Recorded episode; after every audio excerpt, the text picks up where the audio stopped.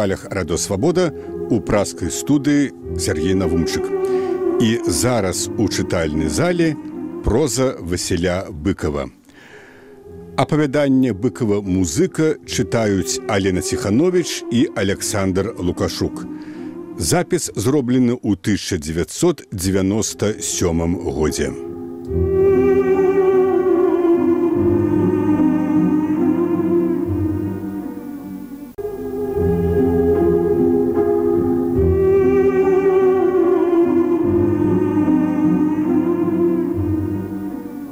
Над вячоркам ён задрамаў у зацемненым гатэльным нумары.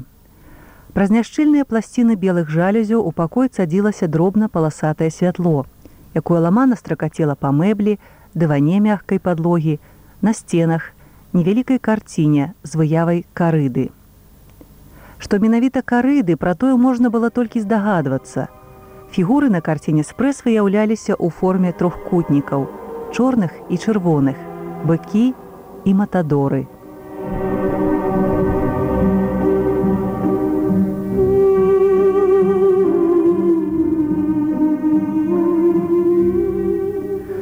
Ён, аднак, не ўглядаўся ў карціну.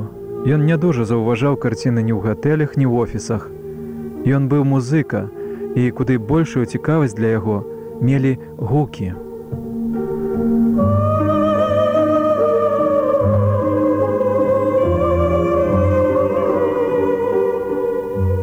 Але цяпер, калі сіеста збольшага канчалася, а вечаровы курортны тлум яшчэ не настаў, было быццам ціха. Адно мерна гуў пад столлю вялізны трохлопасны вентылятар, ды ў падваконні распораз уздыхаў кандышан. І ўсё ж менавіта ў гэтай цішы ўзнік нейкі незразумелы гук, які вынікаў невядома адкуль і чамусьці трывожыў слых.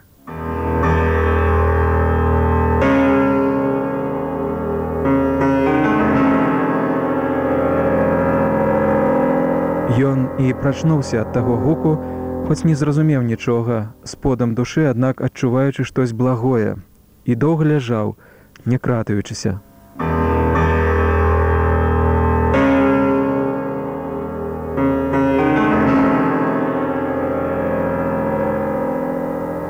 Пра халоды ў пакоі не было ніколькі. Было душна, млосна, неяк надта дыскамфортна, і ён не разумеў прычыны таго дыскамфорту. Магчыма, ён захварэў ці пачынаў захворваць. Ці не стае нагодай прапаў апетыт. На снеданні ў кафе ён выпіў шклянку апельсінавага соку і есці нічога не стаў. На абед зусім не пайшоў. Не было ні сіл, ні жадання ўставаць і ісці ў гаманкі зал рэстарану, парушаць свой спакой. І ён ляжаў, услухоўваўся ў пошум вентылятара і думаў. Адчуваў найлепей ляжаць. Калі б толькі не праклятая задуха, ад якой у тропіках не было паратунку ні ўдзень ні ўначы. І вось гэты гук, што абудзіў яго ад санлявай знямогі.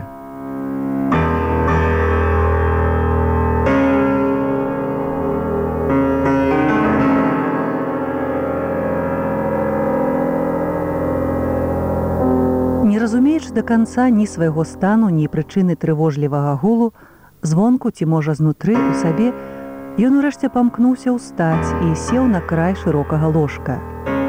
Але далей рашучасць яго ўбавілася, пасядзеўшы крыху, ён зноў з палёгкай адкінуўся на скамячаную прасціну пасцелі. Здаецца, дарма ён прыехаў сюды у гэты блаславены трапічны рай, здатны для людскіх целаў, аблагоджаных прыродай і морам. У яго быў іншы інтарэс, але сталася так, што кантракт на канцэрты падпісаць не ўдалося. Трапіўся няўдалы антрапрынёр. І ён падумаў тады, што можа гэтакі лепш. Ён вольны, без абавязкаў мітусні, пабудзе ля мора, колькі ляжа на душу, а там будзе відаць. Тым болей, што дома далёка на поўначы яго ніхто не чакаў. Па той час, Ён вызваліўся, ад якіх бы там не было абавязкаў перад сям'ёй і антрапрынёрамі. Можа, упершыню ў жыцці настаў яго доўгі ці кароткі тайм-аут. Ён быў музыка, але і з музыкай апошнім часам штось не заладзілася. Ніколі ў яго не здаралася такой абыякавасці нават агіды да інструменту, які цяпер бы не патрэбны, сіратліва стаяў у чорным футарале ля белых дзвярэй. Штосьці ў ім разладзілася, гняло, невыразнае нават загадкавае, да канца не адчутае.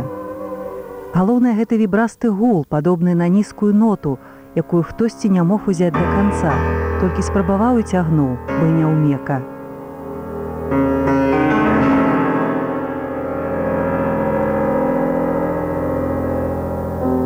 Але чаму ў ёй столькі няўтульнай гнятлівай трывогі?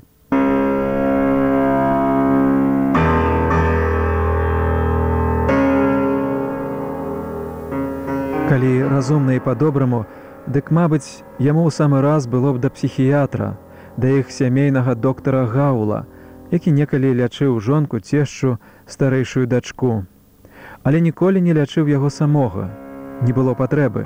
Зноў жа ён памятаў, як яшчэ ў дзяцінстве на тую схільнасць тамашняга люду да псіхіятрыі адгукаўся ягоны бацька. Грэбліва бы да венеролага. Але бацька быў чалавек іншага веку ды і іншага племя, якое, здаецца, мела калісьці звычай наогул абыходзіцца без дактароў. Мабыць, штосьці ад таго перадалося і сыну. Не заўважыў, як зноў задрамаў, можа карыстаючыся рэштай сіеснай цішы і неяк адразу без пераходу ці паўзы яму прыснілася іншае што ў рэальным жыцці не мела да яго пэўных адносін але ў сне тое ўспрымалася бы даўно знаёмае звыклае і не выклікала здзіўлення. Найперш ландшафт. Шырокі прастор з горкавай даліны зялёны ад маладой травы. Але з выгляду зусім не прэрыя не савана. Шырокі лясны далягляд без паселішчаў і дарог. Ён ішоў па травяністым схіле, За ім няспешна цягнуўся статак валоў ці бізонаў. Тое неяк было не зусім зразумела, але ён і не спрабаваў зразумець. Ён пачуваўся ў ролі не то пастуха, не то правадыра гэтага статку і не камандаваў, не заганяў жывёлін, а суладна вёў іх кудысь па невысокай, нетаптанай траве. Настрой і выява былі зусім букалічныя, калі б не загадкавая трывога, што пакрысе вынікала невядома адкуль. Трывога тая, аднак перарасла ў спалох, калі наперадзе паблізу з'явіўся абрыў. Нейкая шырокая бездань, якую было не абмінуць. Галоўнае, ён не мог спыніцца, не спыняўся і статак. Мабыць, не адчуваючы небяспекі, валыці бізоны маруднаю лавай сунуліся і сунуліся за ім і ўжо наблізіліся да краю бездані. Іх трэба б спыніць ці завярнуць назад, але ён не рабіў таго. Не мог ці не ведаў як.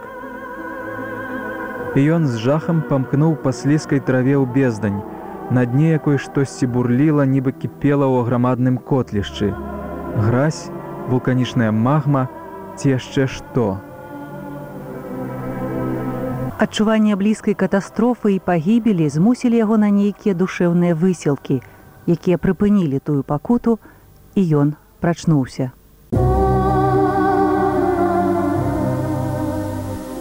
Цяпер ён пачаў адчуваць, што падняла яго з гатэльнай лоджыі нейкая несумненная бацькоўская сіла, ці воля, ці хоць бы ягоны прывід, які затым знік ці можа застаўся ззаду. Цяпер узорнай прасторы яго вёў іншы лакатар, вёў, аднак упэўнена, мабыць, загадзя пракладзеным курсам. Што гэта было? Ці не той гул рэквіум. Але можа ён зменіцца на іншы, на штось весялейшае, болей пэўнае і меней трывожнае. Не гул спеў не мяняўся наадварот, з часам рабіўся болей выразным. Набыў быццам бы знаёмыя ноты, штось з моцарта берліёза неяк яму нават пачуўся вядомы матыў з другой санаты шапена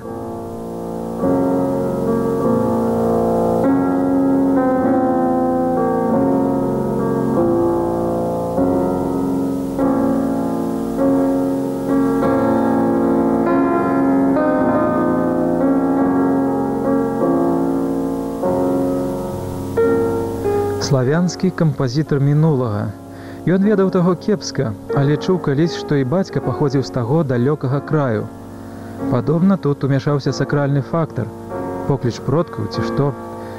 Здаецца, ён нёсся ўзорнай віхуры менавіта ў той бок, прынамсі на поўнач. Ля сузор'я змяі, гэтых выгнутых справа налева пяці буйных зорак, ён зноў адчуў блізкую прысутнасць бацькі, хоць ні вобліку таго, ні гуку нідзе не заўважаў. Быццам той быў побач і не то кіраваў яго шляхам, не то сваёй містычнай прысутнасцю суправаджаў яго. І жалобны нутраны матыў стаў болей выразны. Ён ужо прывык да яго мелодыі і ведаў пэўна, што то пахавальны марш.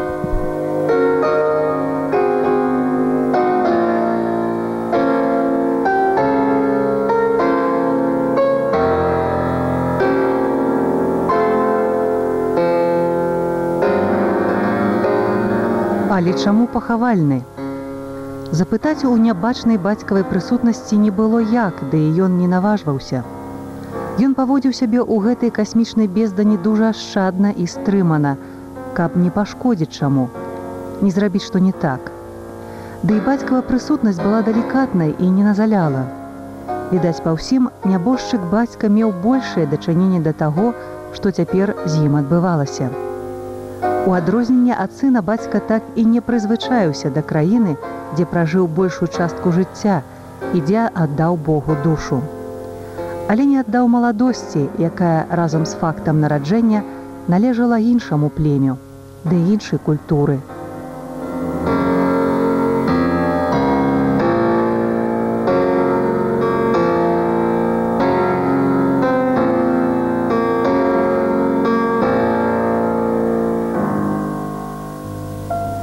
А тое, мабыць, усё ж штось вызначае, як ён зразумеў, часам насуперак уласныя волі і абставінам. Бацька быў не такі, як іншыя ля яго, не такі характар, не такая сутнасць. Часам яго несумяшчальнасць, закаляючай рэальнасцю раздражняла сына, народжанага і выхаванага на новай зямлі, хаця ён і не асуджаў бацьку. Адно доўга не мог зразумець, таму, мабыць, ягоная сутнасць і не надта перадалася сыну. Але з ягонай смерці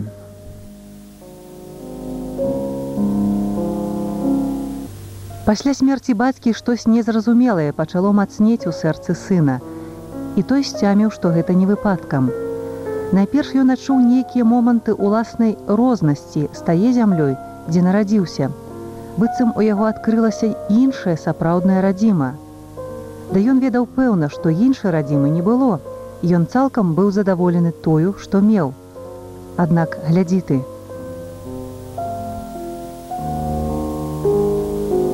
І цяпер гэты зорны палёт.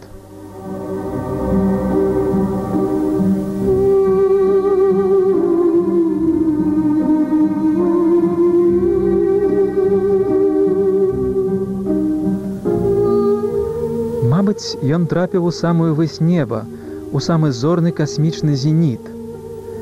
Зоркі абсыпалі яго з усіх бакоў, зверху і знізу, нясцерпна ярка зіхацелі перад вачыма, пераліваліся рознаколернымі агнямі. Некаторыя апыналіся зусім блізенька і хутка імчалі ля яго, болей насустрач і назад. Іншыя паволі адплывалі ў бакі. А то непадалёк падалі знічкамі, выпісваючы касыя срэбныя дугі, ад якіх не заставалася следу.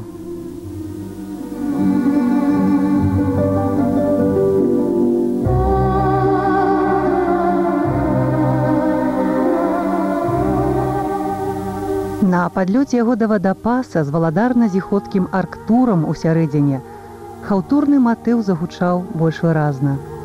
Мелодыя неслася аднекуль з вышэйшых сфераў і поўніла зорны абсяг нясцерпным жалобным смуткам. Ён ужо выразна пачаў адчуваць, што тут нешта адбудзецца і што раз узіраўся ўніз. Thank you.